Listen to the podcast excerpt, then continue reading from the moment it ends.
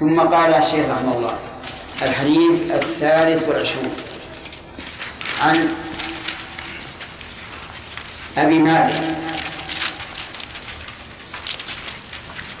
عن أبي مالك الحارث بن عاصم الأشعري رضي الله عنه. قال قال رسول الله صلى الله عليه وعلى آله وسلم الطهور شطر الإيمان والحمد لله تملأ الميزان. وسبحان الله والحمد لله تملأان أو تملأ ما بين السماء والأرض. والصلاة نور والصدقة برهان والصبر ضياء والقرآن حجة لك أو عليك. كل الناس يغدو فبائع نفسه فمعتق فمعتقها أو موبقها رواه مسلم. يقول النبي صلى الله عليه وسلم الطهور شطر الإيمان. الطهور شطر الإيمان أي نصفه وذلك أن الإيمان تخلية وتحلية كما يقولون. التخلية بالطهور والتحلية بفعل الطاعات. فوجه كونه شطر الإيمان أن الإيمان إما فعل وإما ترك. والترك تطهر والفعل إيجاب والحمد لله تملأ الميزان. يعني قول القائل الحمد لله يمتلئ الميزان بها أي الميزان الذي توزن به الأعمال. كما قال عز وجل ونضع الموازين القيامة فلا تظلم نفس شيئا. وإن كان مثقال حبة من خردل أتينا بها وكفى بنا حاسبين.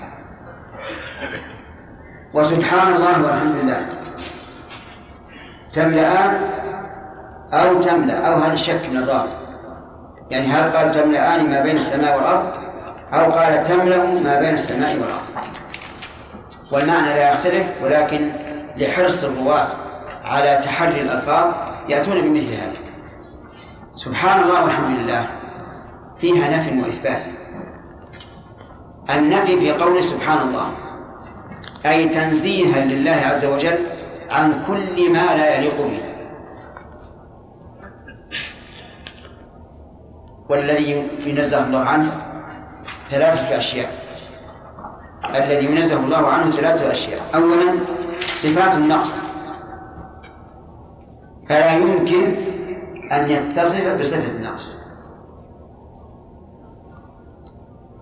الثاني النقص في كماله.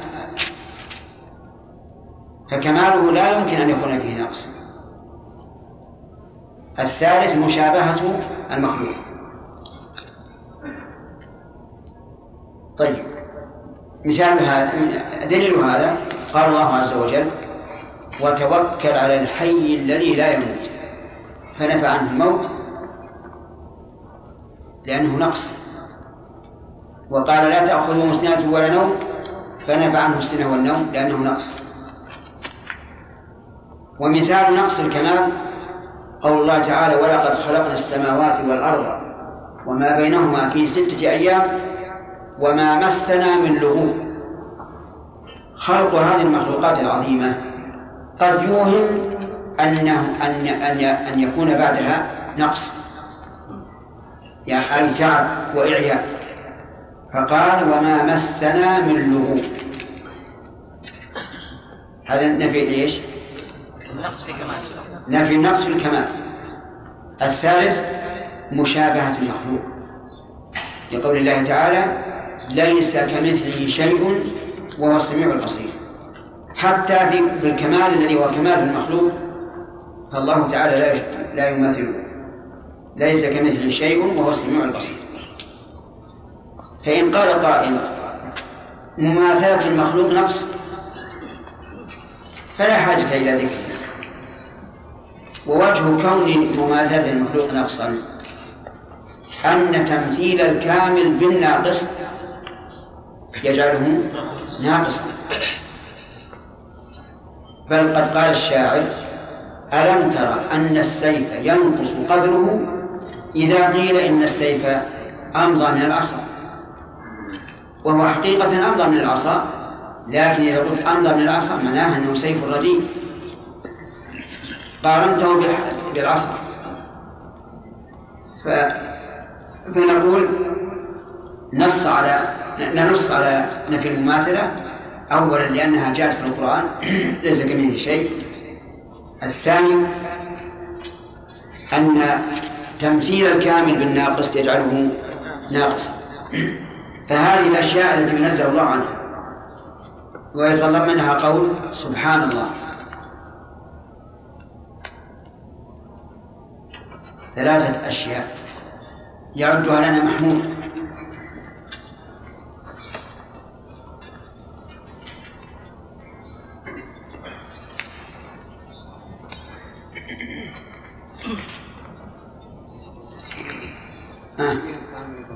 نعم. غلط ارفع ها الأول. لا الأول الأول. صفات النقص ارفع نعم. صفات النقص لا اللي وراء. صفات النقص. صفات النقص. والثاني. مشابه بال لا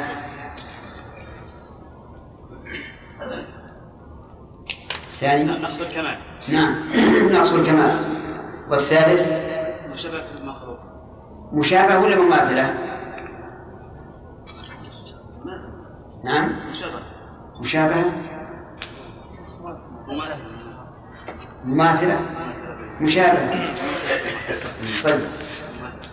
آه مثال النقص يا عبد الرحمن جمعة. لا المنفي عن الله من النقص أن يلحقه نعم؟ أن يلحقه أن يلحق آه، نقص في الدليل. أعطني الدليل. قال الله سبحانه وتعالى ولقد خلقنا السماوات غلط. أين أنت يا عبد الرحمن؟ أنا في المسجد. لكن القلب لا. لأنك ما ما أنت إلى هذا الحد. نعم. قوله تعالى وتوكل على الحي الذي لا يموت وقوله لا تأخذه سنة ولا نوم النقص نقص الكمال. نعم. قوله تعالى ولقد خلقنا السماوات والأرض وما بينهما في ستة أيام وما مسنا من قوله تعالى ولقد خلقنا السماوات والأرض وما بينهما في ستة أيام وما مسنا من لغوب أي من تعب وإعياء قوله تعالى ليس كمثله شيء وهو السميع البصير. نعم. قوله تعالى إن في المماثله ليس كمثله شيء وهو السميع البصير. واعلم أن قولك نفي المماثله أولى من قولك نفي المشابهة. اولا لأن هذا هو اللفظ الذي الذي جاء في جاء في القرآن. الثاني ولا نتركه لأنه صعب على أكثركم الم- المهم أن نقول نفي المماثلة أولى من نفي المشابهة لأنه اللفظ الذي جاء في القرآن. وكفى آه سبحان الله والحمد لله الحمد يكون على صفات الكمال. فتكون هذه الجملة سبحان الله والحمد لله فيها نفي النقص بالأنواع الثلاثة وإثبات الكمال. تملأان أو قال تملأ ما بين السماء والأرض. وما الذي بين السماء والأرض؟ مسافة. لا يعلمها إلا الله عز وجل. وظاهر الحديث أنها تملأ ما بين السماء والأرض ليس في منطقة في منطقتك وحدك بل في كل المناطق. قال و والصلاة نور. الصلاة الفريضة والنافلة. نور. نور في القلب.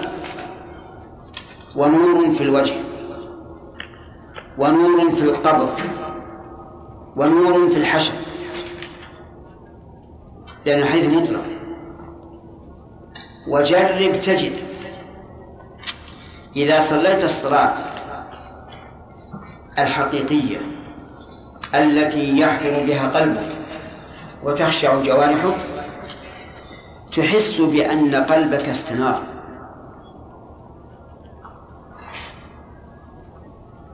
وتلتذ بذلك غاية الالتزام. ولهذا قال النبي صلى الله عليه وسلم جعلت قرة عيني في الصلاة. والصدقة برهان البرهان الدليل. والصدقة بذل المال للمحتاج تقربا إلى الله عز وجل.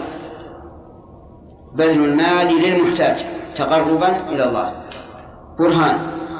أي دليل على صدق إيمان المتصدق. وجه ذلك أن المال محبوب للنفوس. ولا يبذل المحبوب إلا في طلب ما هو أحب. وهذا يدل على على إيمان المتصدق. ولهذا سماها النبي صلى الله عليه وعلى آله وسلم سمى الصدقة برهانا. والصبر ضياء. الصبر حبس النفس. حبس النفس عن ما يجب الصبر عنه وعليه. قال أهل العلم والصبر ثلاثة أنواع. صبر عن معصية الله وصبر على طاعة الله وصبر على أقدار الله. انتبه. صبر عن محارم الله بمعنى أن تحبس نفسك عن فعل المحرم حتى مع وجود السبب. مثاله إنسان حدثته نفسه أن يزني والعياذ بالله فمنع نفسه. نقول هذا صبر عن إيش؟ عن معصية الله.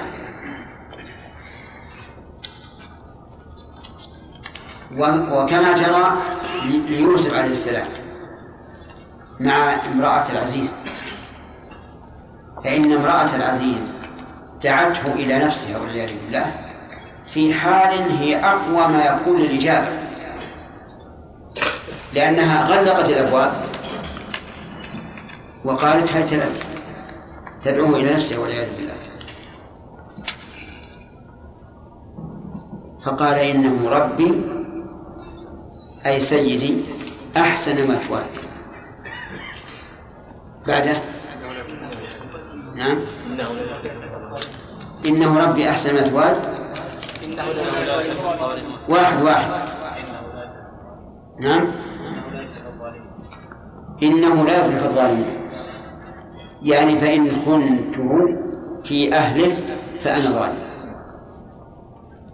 ومن شدة الإلحاح هم هم بها كما قال عز وجل ولقد همت به وهم بها لولا أن رأى برهان ربه فصبر. ولم يفعل. مع قوة الداعي وانتفاء الموانع. هذا صبر عن إيش؟ عن معصية الله. وكما أخبر النبي صلى الله عليه وعلى آله وسلم في السبعة الذين يظلهم الله في ظله يوم لا ظل إلا ظله وذكر منهم شاء. نعم. رجل دعته رجلا دعته امرأة ذات منصب وجمال فقال إني أخاف الله. الثاني الصبر على طاعة الله.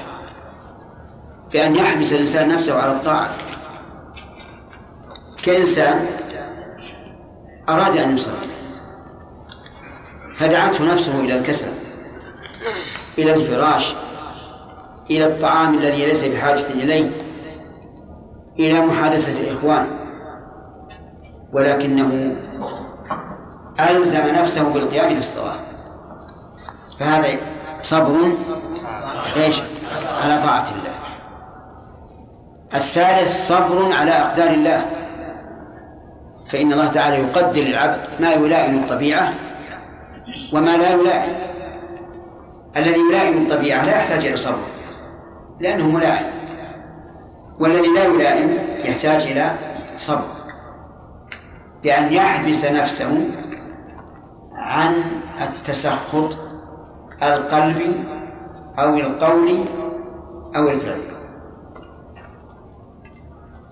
إذا نزلت به مصيبة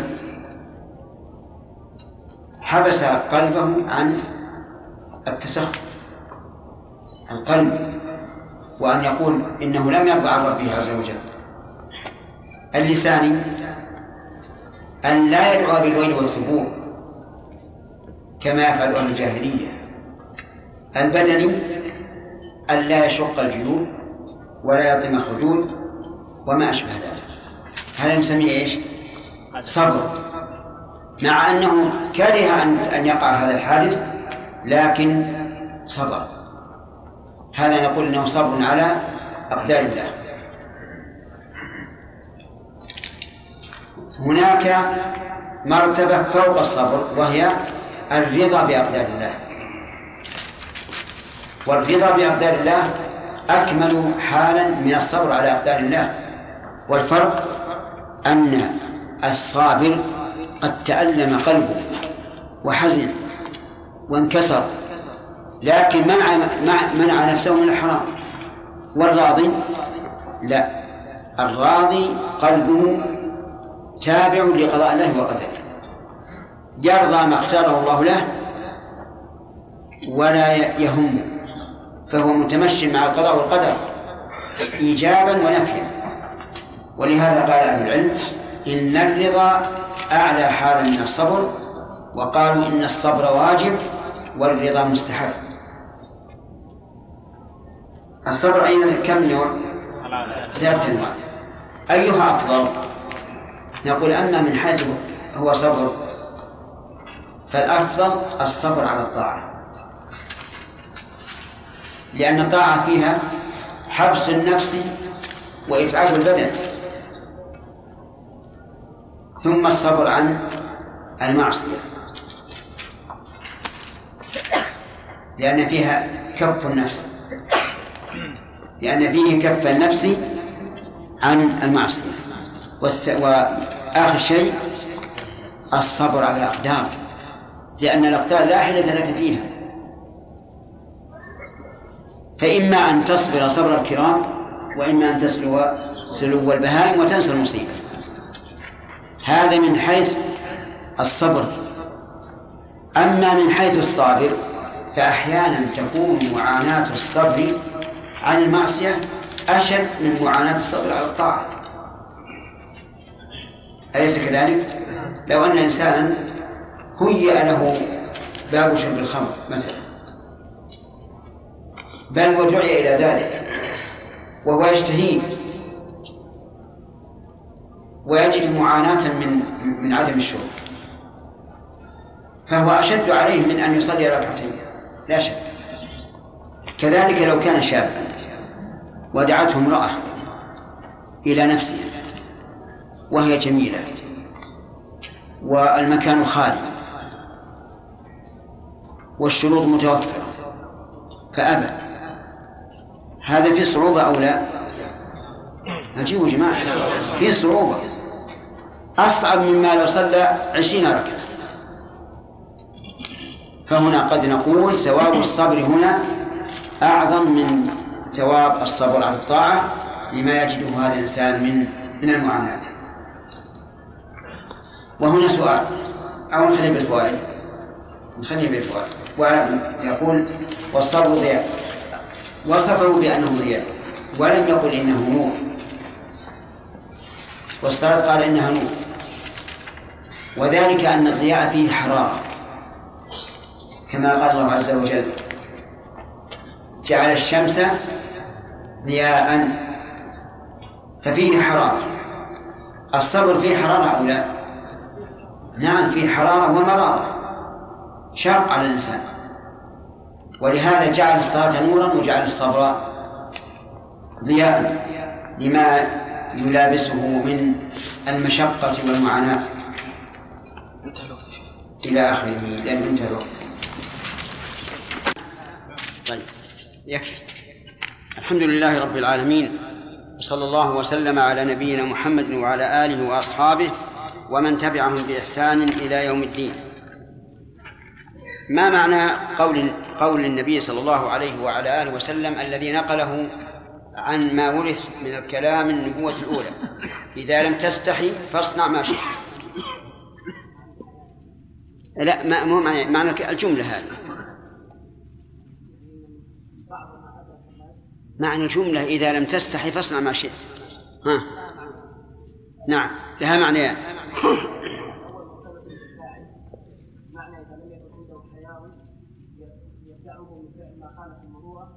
فانه. نعم الثاني آه، يرتبط بالفعل كان لا منه ولا حرج.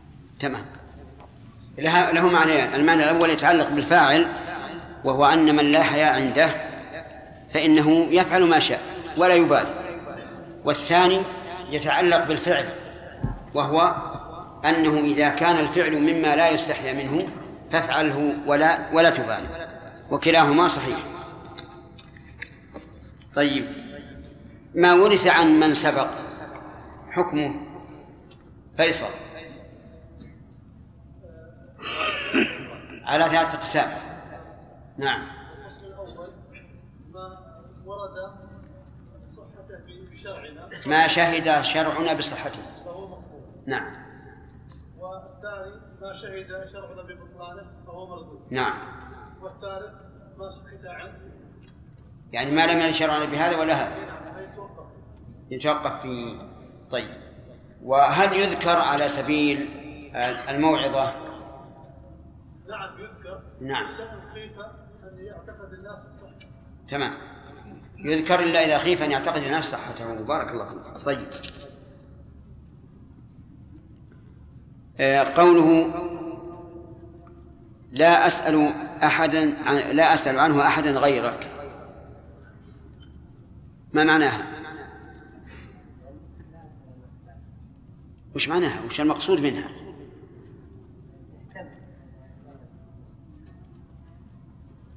نعم نعم يكون حدا فاصلا جامعا مانعا لا أسأل أحد يكفيني عن كل سؤال. طيب جواب النبي صلى الله عليه وسلم يا غانم. ماذا كان جواب النبي صلى الله عليه وعلى آله وسلم؟ قال قل آمنت بالله ثم استقم. قال قل آمنت بالله ثم استغفر طيب الأول آمنت بالله؟ آمنت بالله. أي. مقتضاه تحقيق شهادة لا إله لا لا قصدي هل هو يتعلق بعمل الجوارح؟ ولا يتعلق بالأعمال الباطنة؟ يتعلق بالاعمال الباطنه اعمال والاستقامة؟ والاستقامه تتعلق بالجوارح الاعمال الظاهره الأعمال الظاهرة تمام. هل لهذا القول شاهد من القرآن؟ الأخ. نعم. لا هذه ما فيها ذكر الإيمان.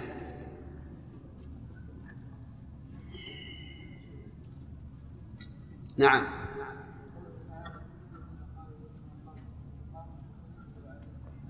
نعم. إن الذين قالوا ربنا الله ثم استقاموا فلا خوف عليهم ولا هم يحزنون والآية الثانية تتنزل عليهم الملائكة إلى آخره. طيب. نبهنا على كلمة يقولها الناس وهي دارجة عندهم وغيرها أولى منها. عبد الله. نعم. التعبير في. التعبير بالملتزم عن المتمسك بالدين. والصواب أن يقال المستقيم كما جاء في القرآن والسنة. وكما ذكرنا لكم أن الفقهاء يعنون بالملتزم. من التزم أحكام الإسلام ولو كان كافرا حيث قالوا في كتاب الحدود تجب إقامة الحد على كل بالغ عاقل ملتزم. وأدخلوا في الكلمة ملتزم اليهود والنصارى. نعم يا عبد الله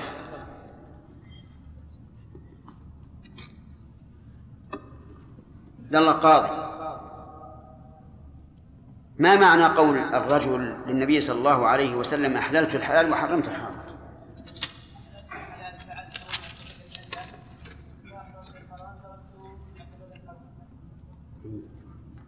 طيب.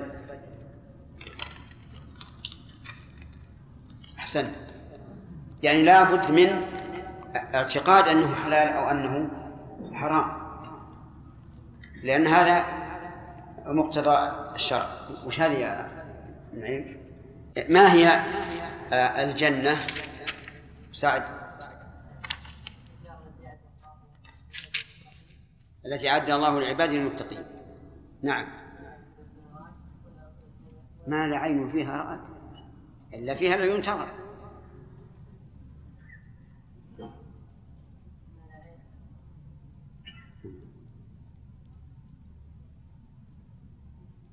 تدري ما معنى ما لا عين فيها رأت؟ يعني الناس في, في, في الجنة عميان.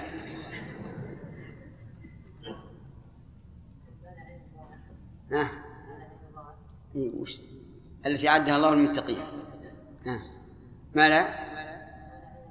ما ما له علاقة الآن. نريد ضميرا يربط هذا بالجملة أو بالكلام.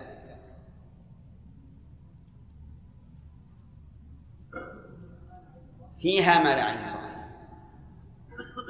سمعت يا سعد؟ كمل. نعم. أحسنت. بارك الله فيك.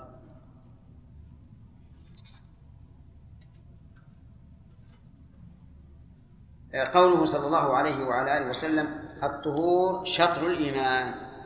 ما معناها؟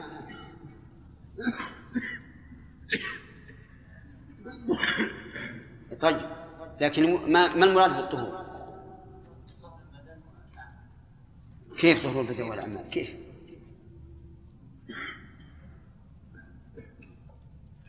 نعم لا ما معنى الطهور؟ ما زين طهر منين؟ يعني الطهور بالماء. طيب لكن الماء المعنى الآن.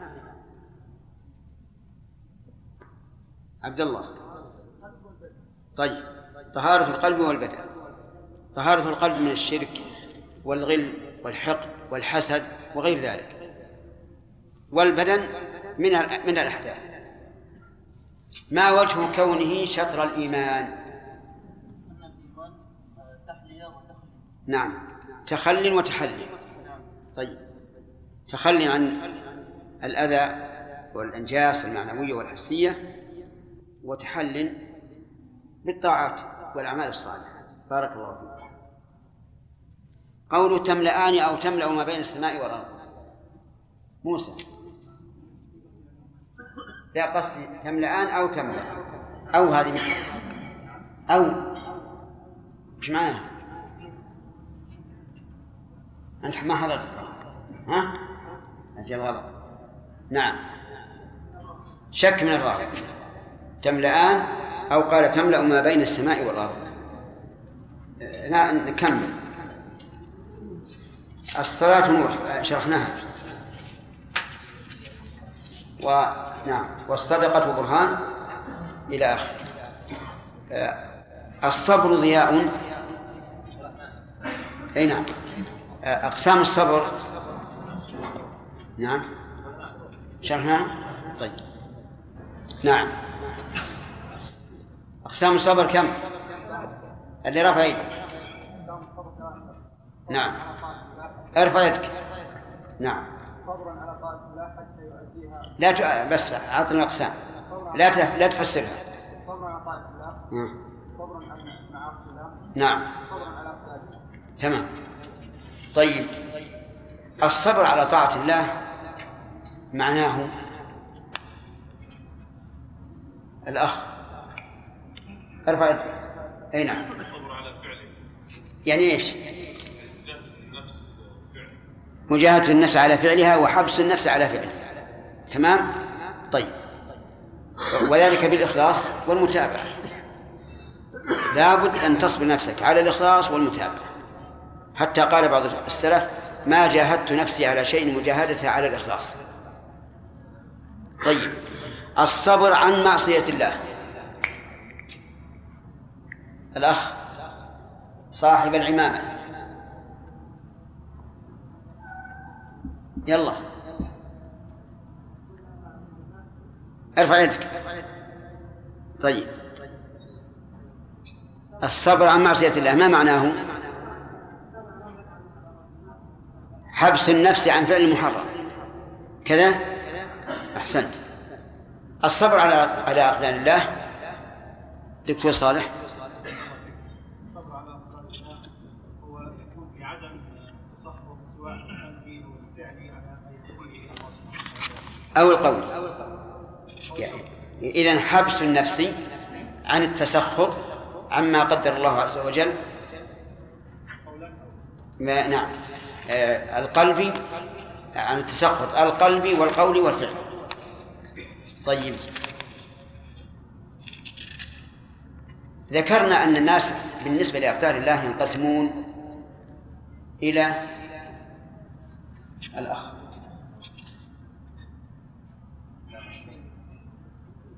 ما هو؟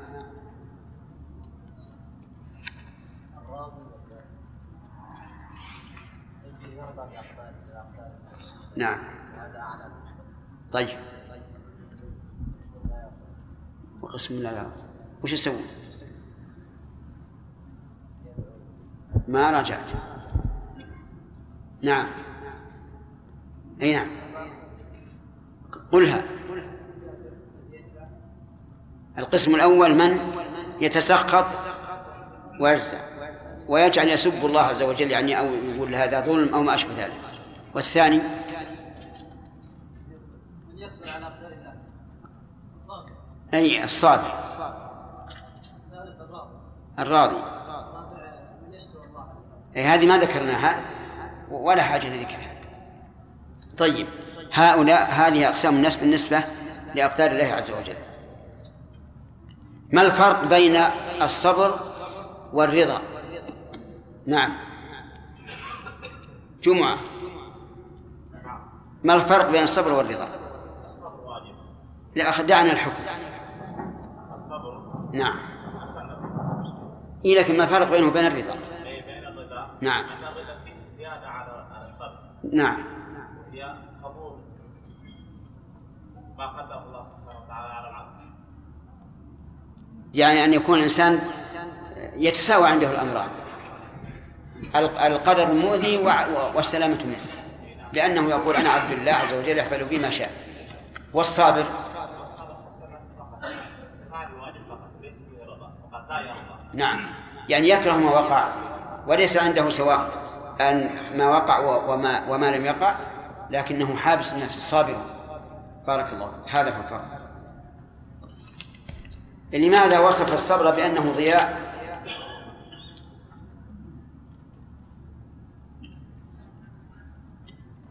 لأن الصبر فيه حرارة لأن الضياء فيه حرارة إي نعم. فيه نور وحرارة.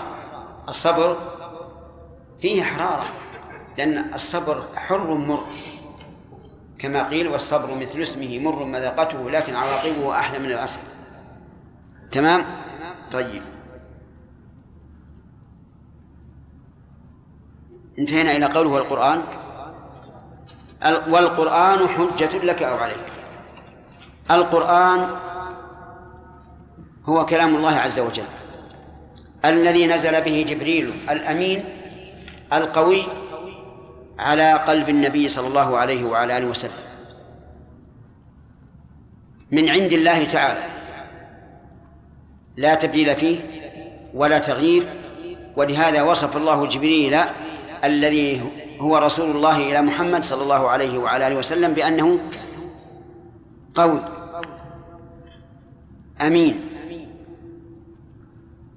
قال عز وجل إنه لقول رسول كريم ذي قوة عند ذي العرش مكين مطاع ثم إيش؟ أمين. ليتبين أنه عليه السلام أمين على القرآن قوي على حفظه وعدم التلاعب به. هذا القرآن كلام الله عز وجل. تكلم به حقيقة. وسمعه جبريل. ونزل به على قلب النبي صلى الله عليه وعلى آله وسلم. هذا القرآن الكريم هو كلام الله لفظه ومعناه. الأمر والنهي والخبر والاستخبار والقصص كلها كلام الله عز وجل. وقد ذكر الله تعالى أنه بعد أن أقسم قسما عظيما فقال فلا أقسم بمواقع النجوم وإنه لقسم لو تعلمون. عظيم. لو تعلمون بمعنى اعلموا. كما أقول لك إن هذا لو تدري شيء شيء كبير. المعنى اعلموا. إن لقسم لو تعلمون عظيم. إنه لقرآن كريم. أكد الله عز أكد الله عز وجل ذلك بالقسم وإن واللام لقرآن كريم في كتاب مكنون وهو اللوح المحفوظ. لا يمسه إلا المطهرون. أي لا يمس هذا الكتاب المكنون إلا المطهرون وهم الملائكة. وليس الضمير يعود على على القرآن أو المصحف بل هو يعود على الكتاب المكنون. وكونه في كتاب مكنون هل معناه أن القرآن كله كتب في لوح المحفوظ أو أن المكتوب أو أن المكتوب في اللوح المحفوظ ذكر القرآن وأنه سينزل وسيكون كذا وكذا؟ الأول الأول لكن يبقى النظر. كيف يكتب قبل أن تخلق السماوات والأرض بخمسين ألف سنة؟ وفيه العبارات الدالة على المضي مثل قوله وإذ غدوت من أهلك. تبوأ المؤمنين مقاعد القتال. مثل قوله قد سمع الله قولا تجادلك وهو حين كتابته قبل خلق السماوات والأرض بخمسين ألف سنة لم يسمع لأن المجادلة ما خلقت أصلا حتى تسمع مجادلتها. فالجواب أن الله قد علم ذلك. وكتبه في اللوح المحفوظ. كما أنه علم المقادير وكتبها في اللوح المحفوظ وعند تقديرها يتكلم عز وجل بقوله كن فيكون. هكذا قرره شيخ الإسلام ابن تيمية رحمه الله وهو مما تطمئن له النفس. وكنت قبلا أقول إن الذي في اللوح المحفوظ ذكر القرآن لا القرآن. بناء على أنه يأتي بلفظ المضي قبل الوقوع وأن هذا كقوله تعالى عن القرآن وإنه لفي زبر الأولين والذي في زبر الأولين ليس القرآن الذي في زبر الأولين ذكر القرآن والتنويه عنه. ولكن بعد أن اطلعت على كلام شيخ الإسلام جزاه الله خيرا انشرح صدري. إلى أنه مكتوب في اللوح المحفوظ ولا مانع من ذلك. ولكن الله تعالى عند إنزاله إلى محمد صلى الله عليه وعلى آله وسلم يتكلم به ويلقيه إلى جبريل. هذا قول السلف أهل السنة في القرآن. أما أهل البدع فحرفوا وبدلوا وغيروا. قالوا هذا القرآن ليس كلام الله. قالوا هذا القرآن ليس كلام الله. ولكنه عبارة عن كلام الله لأن كلام الله هو المعنى القائم بنفسه. المعنى القائم بنفس الله عز وجل. وأما الله وأما الصوت والحروف فإنها ليست ليست كلام الله بل هي عبارة عن كلام الله. أسمعتم هذا؟ إذن هذا القرآن اللي بأيدينا مخلوق. خلقه الله ليعبر عما في نفسه. وهذا قول الأشعرية مع الأسف الشديد. المعتزلة قالوا القرآن كلام الله عز وجل ليس المعنى القائم بنفسه. لكن كلام الله مخلوق كسائر المخلوقات. خلق الله يخلق الله كلاما ويضيفه إليه إضافة تشريف كما أضاف إلى نفسه الناقة وكما أضاف إلى نفسه المساجد وكما أضاف إلى نفسه البيت. إذا ما الفرق بين قول الأشاعرة وقول آه المعتزلة؟ الواقع كما قال المحققون لا فرق لا فرق بل المعتزلة خير من من الأشاعرة في هذا. المعتزلة يقولون هذا القرآن اللي بين الذي بين أيدينا كلام الله.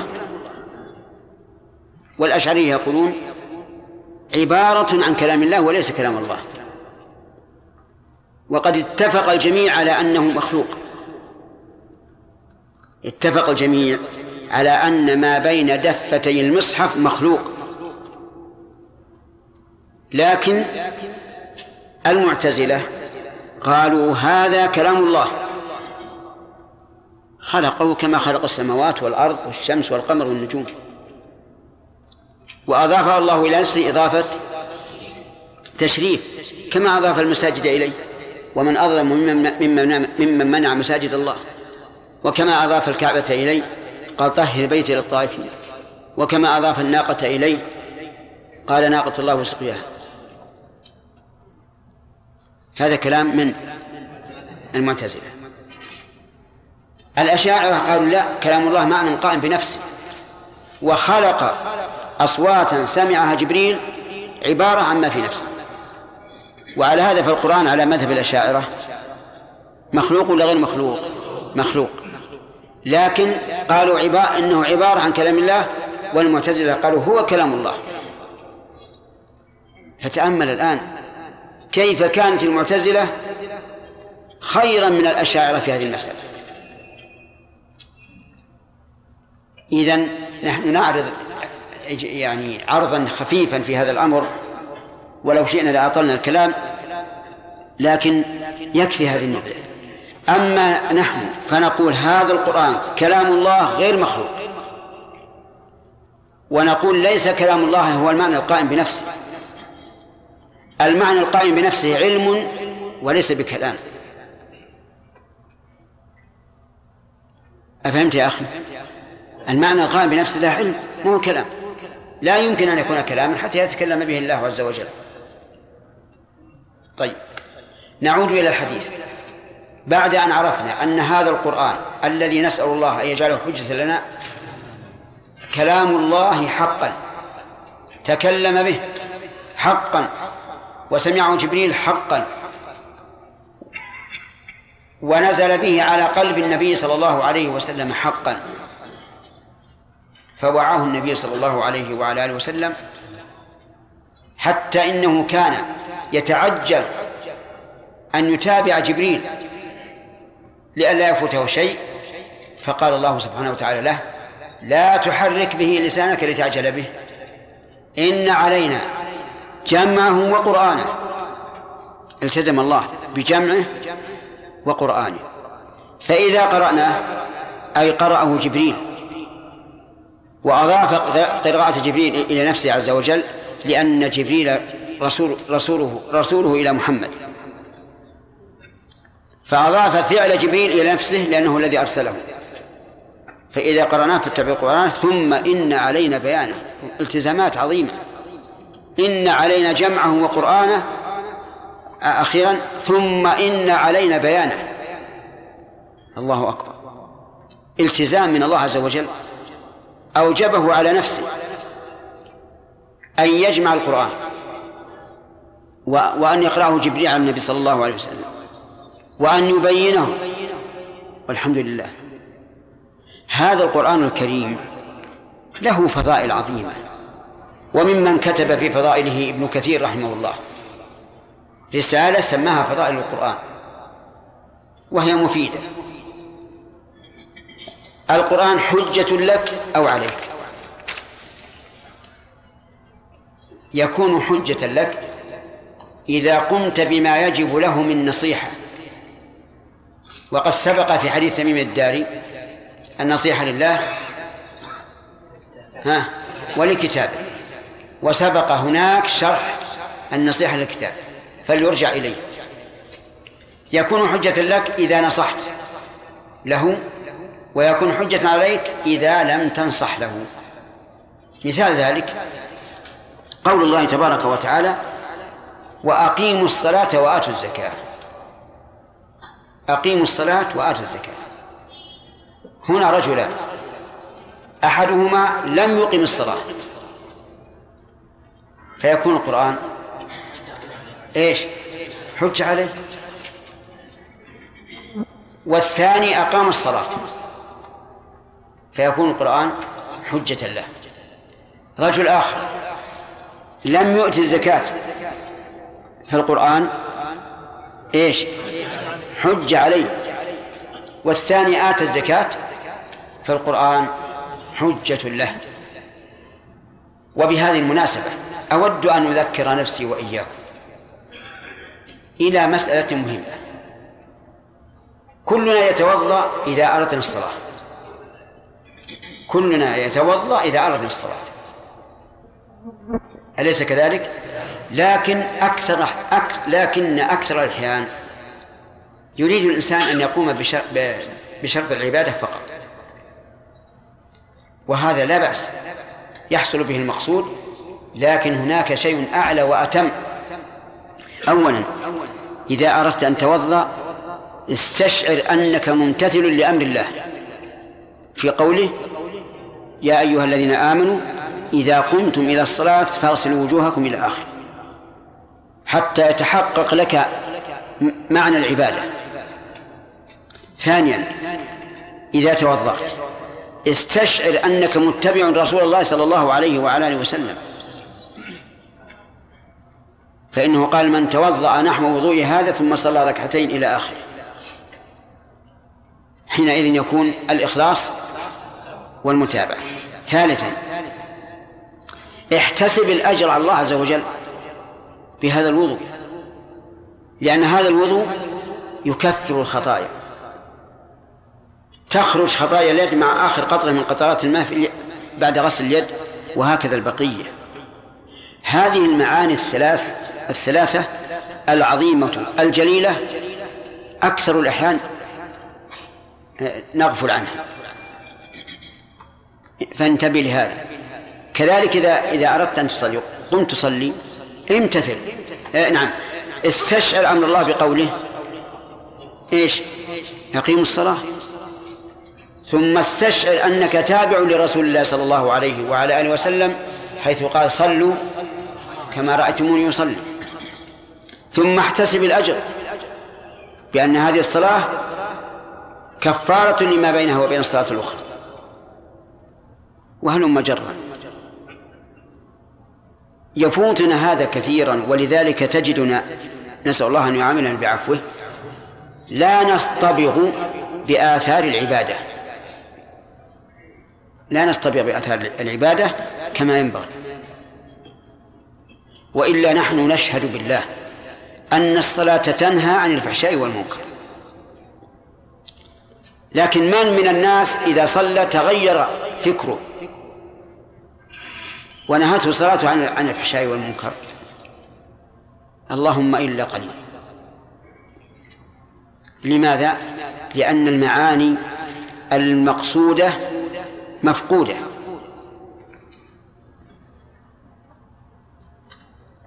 طيب. القرآن حجة لك أو عليك. كل الناس يغدو يعني كل الناس يخرج مبكرا. وهذا من من باب ضرب المثل. يغدو أي يخرج في الغدوة في الصباح. فبائع نفسه. يعني الغادي يبيع نفسه. فمعتقها أو موبقها. ومعنى يبيع نفسه أنه يكلفها بالعمل. لأنه إذا كلفها بالعمل أتعب النفس فباعها ينقسم هؤلاء الباعة إلى قسمين معتق وموبق. ولهذا قال فمعتقها أو موب فمعتقها أو موبقها. متى يكون بيعه لنفسه اعتاقا إذا قامت بطاعة الله. إذا قام بطاعة الله كما قال عز وجل ومن الناس من يشري نفسه ابتغاء مرضات الله. يشري نفسه يعني يبيع نفسه ابتغاء مرضات الله. فهذا الذي باع نفسه ابتغاء مرضات الله وقام بطاعته قد أعتقها. عتقها منين؟ من العذاب من النار. والذي أوبقها هو الذي لم يقم بطاعة الله. أمضى عمره خسرانا. هذا موبق لها. أي مهلك لها. لما قسم النبي صلى الله عليه وسلم الناس بالنسبة للقرآن إلى من يكون القرآن حجة له من يكون القرآن حجة له ومن يكون حجة عليه ذكر أن العمل أيضا قد يكون على الإنسان وقد يكون للإنسان. متى يكون الإنسان؟ إذا كان عملا صالحا ويكون عليه إذا كان عملا سيئا. وانظر إلى هذا الحديث. كل الناس يغدو فبائع نفسه. يتبين لك أن الإنسان لا بد أن يعمل. لا بد أن يعمل. إما خيرا وإما شرا. ثم قال المؤلف الحديث الرابع والعشرون. فوائد. اللهم اهدنا من فوائد هذا الحديث الحث على الطهور الحسي والمعنوي وجه ذلك أنه قال الطهور شطر الإيمان. ومن فوائده أن الإيمان يتبعض. فبعضه فعل وبعضه ترك. وهو كذلك. الشر... نعم. ومن فوائده فضيلة الحمد. فضيلة حمد الله عز وجل حيث قال إنها تملأ الميزان. ومن فوائد هذا الحديث إثبات الميزان. والميزان جاء ذكره في القرآن عدة مرات. جاء ذكره مجموعا وذكره مفردا. فقال عز وجل ونضع الموازين القسط ليوم القيامة. وقال تعالى فأما من ثقلت موازينه. وجاء ذكره مفردا في السنة صريحا في قوله صلى الله عليه وسلم كلمتان خفيفتان على اللسان ثقيلتان في الميزان حبيبتان إلى الرحمن سبحان الله وبحمده سبحان الله العظيم. وكذلك في هذا الحديث. وهذا الميزان هل هو حسي أو معنوي؟ قال المعتزلة إنه معنوي. وهو كناية عن إقامة العدل. والقول الصحيح أنه حسي. له كفتان وله لسان. توزن به به الأعمال. الصالح والسيء وهنا يرد إشكال كيف يوزن العمل وهو ليس جسما؟ كيف يوزن وليس بجسم؟ وكيف الحمد تملأ الميزان وليست بجسم؟ والجواب عن هذا سهل.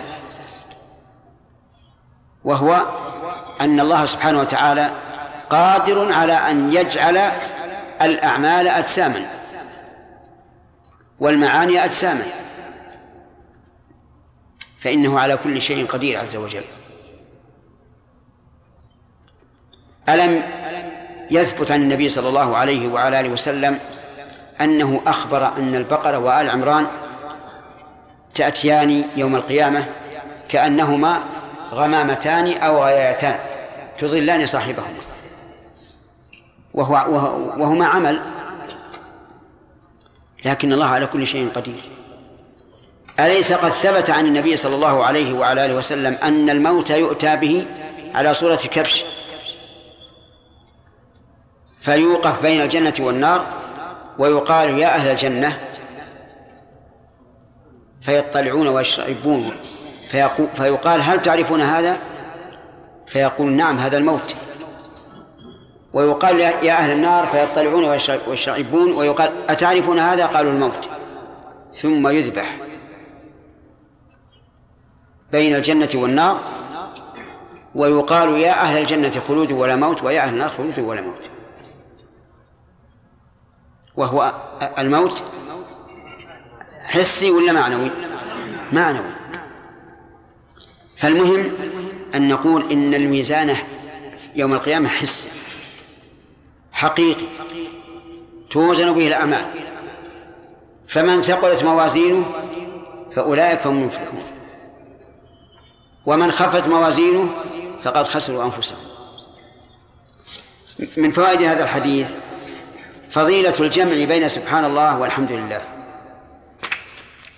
لقوله وسبحان الله والحمد لله تملأان ما بين السماء والأرض. ووجه ذلك أن الجمع بينهما جمع بين نفي العيوب والنقائص وإثبات الكمالات وإثبات الكمالات. في سبحان الله إيش؟ نفي العيوب والنقائص. وفي الحمد لله إثبات الكمالات. وفيه أيضا من من فوائد الحديث أن الصلاة نور. ففيه الحث على كثرة الصلاة. يعني يتفرع هذه الفائدة على أن الصلاة نور الحث على كثرة الصلاة. ولكن يرد علينا أن كثيرا من المصلين وكثيرا من الصلوات في المصلي الواحد لا يشعر الإنسان بأنها نور. فما الجواب؟ الجواب أن نقول إن كلام الرسول صلى الله عليه وعلى آله وسلم حق. لا إشكال فيه. لكن عدم است...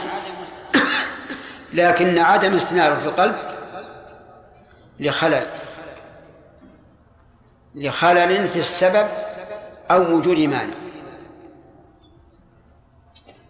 فمن خلط صلاته برياء فهنا خلل في إيش؟ في السبب ولا وجود مانع؟ في السبب لأنه لم يخلص ومن صلى ولكن قلبه يتجول يمينا وشمالا فهنا مانع يمنع من كمال الصلاة فلا تحصل النتيجة وقس على هذا كل شيء رتب الشرع عليه حكما وتخلف فاعلم أن ذلك إيش؟ إما لوجود مانع أو لاختلال سبب. وإلا فكلام الله كلام الله حق وكلام رسوله حق.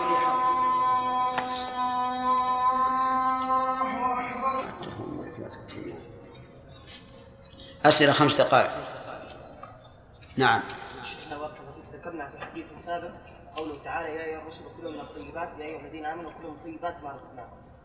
شيخنا لماذا عرف الطيبات في الآية الأولى ونكرها في الآية الثانية؟ ثم شيخنا هل في الآيتين آه، يعني حث على عدم الإسراف من الطيبات كون من يعني تبليغية إنك لا تعرف النحو الثانية غير منكرة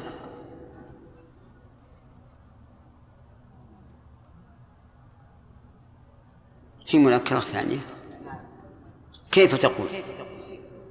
نسيت. طيب هذه واحد. السؤال الإشكال الثاني؟ هل في الآيتين دليل على عدم الإسراف في الطيبات؟ لأن من تبعيضية. لا لا هذه من ما هي تبعيضية؟ كلوا من الطيبات لبيان الجنس. في الآية الثانية شيخ. ها؟ في الثانية. الثانية. حتى الآية الثانية. لبيان الجنس. يعني كل من الطيب لا من الخبيث. نعم. حفظك الله ذكر الله عز وجل في القرآن الكريم اصبروا وصابروا. نعم. المصابرة. مكابدة الصبر. الصبر درجات. فإذا كان ال- الشيء الذي يصبر عليه يحتاج إلى معاناة. وكلفة قيل صابر ولهذا نقول اصبر على الحرب وصابر الع- العدو. نعم. في الحديث اللي ذكره عبد الله آه، قلنا ذكرنا أن بين في الخطبة نعم. بين السجدتين يرفع يرفع يرفع اليدين في الدعاء. بين سنتين بين بين الخطبتين. نعم. اليس ال- ال- الصحابة أعلم منا في الأدب أدب الدعاء. نعم. ورسول الله ما ما قال لهم ان ان في وجوب رفع اليدين في الخطبة بين بين بين الخطبتين. لماذا نقول أن نرفع يدينا يدي بين بين الخطبتين؟ إنك بليد. أو لم تحضر الدرس. ولعله في وقت غيابك. نحن ذكرنا هذا وأجبنا عنه.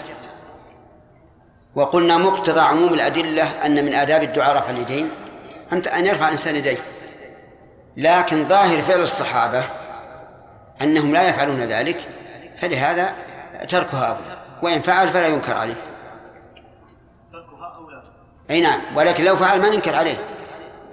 لأنه لا يستطيع أحد أن أن ينقل النفي عن الصحابة أنهم لا يرفعون أيديهم. ما يستطيع أحد. لكن اللي يظهر لنا من الحال أنهم لا يرفعون أيديهم. نعم. فيصل. شيخنا الله يحفظك. الإنسان أحواله مع القرآن أحيانا يقرأ بتدبر وخشوع وأحيانا يكون أقل من ذلك. صحيح. فهل يكون هذا حجة لك أو عليك؟ لا لا هو ما دمت تعمل به وتصدق بأخباره فليس من شرطها أن تخشى عند قراءته. وهذه المسألة الخشوع لها أسباب. منها فراغ القلب إذا كان الإنسان فارغا قلب الإنسان فارغا ولا مشاكل ولا شيء. نعم. واستشعر عظمة القرآن وعظمة من تكلم به خشع وكذلك إذا كانت الآيات مما يوجب الخشوع كآيات الوعيد أو الوعد. فلها أسباب.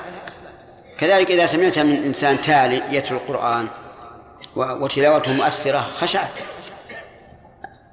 شيخ أحسن الله إليكم بعض الأغنياء مما لا يعرفون قراءة القرآن يقال لهم أن الإنسان إذا ختم له من القرآن كذا ألف مرة يدخل الجنة. ألف مرة. في كذا ألف مرة يدخل الجنة.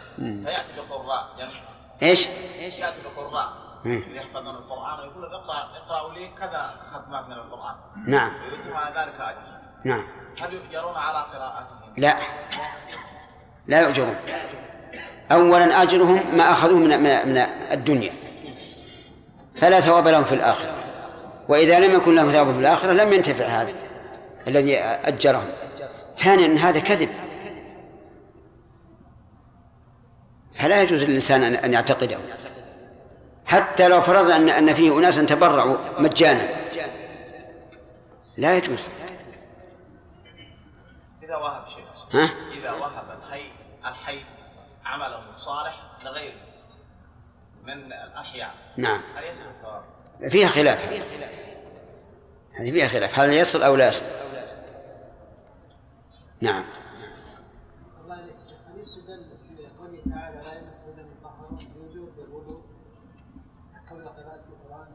لا لا. لا يمسه الضمير. ذكرنا أنه يعود على إيش؟ أنت معي ولا لا؟ على إيش؟ يعود على من؟ يعود الضمير على ما على أي شيء في لا في قوله لا يمسه راح إيش؟ طيب. إذن ليس يعود على القرآن. ثم قال المطهرون ولم يقل المطهرون. وهم الملائكة.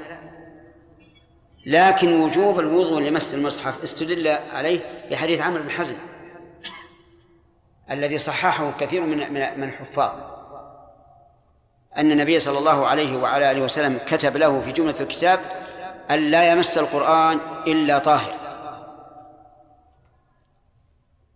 عرفت؟ طيب. انتهى الوقت. من فوائد هذا الحديث الحث على الصدقة. لقوله الصدقة برهان. ومن فوائده أن بذل المحبوب يدل على صدق الباذل. ما هو المحبوب الذي يبذل في الصدقة؟ هو المال. يدل على صدق الباذل. ومن فوائد هذا الحديث الحث على الصبر وأنه ضياء. يعني وإن كان فيه شيء من الحرارة لكنه ضياء نور. لقوله والصبر ضياء. في أثناء الشرح ذكرنا أيما أفضل الصبر على الطاعة أو عن المعصية أو على الأقدار. قلنا أما من حيث الصبر فأفضل فأعلاها الصبر على الطاعة ثم عن المعصية ثم على الأقدار. أما بالنسبة للصابر فقد يكون صبره عن المعصية أشق وأشد من صبره على الطاعة. ويؤجر على حسب ما حصل له من المشقة. من فوائد هذا الحديث أن حامل القرآن إما غانم وإما غارم. ما فيه مرتبة ثالثة. إما للإنسان وإما على الإنسان. ما فيه مرتبة ثالثة لا له ولا عليه. ويتفرع على هذه الفائدة أن أن أن يحاسب الإنسان نفسه. هل عمل بالقرآن فيكون حجة له أو لا؟ فيكون حجة عليه. فليستعتب. ومن فوائد هذا الحديث عظمة القرآن. عظمة القرآن. وأنه لن يضيع. هكذا سدى. بل إما للإنسان وإما على الإنسان. ومن فوائد هذا الحديث بيان حال الناس وأن كل الناس يعملون من الصباح وأنهم يبيعون أنفسهم. فمن باعها بعمل صالح فقد اعتقها ومن باعها بعمل سيء فقد أوبقها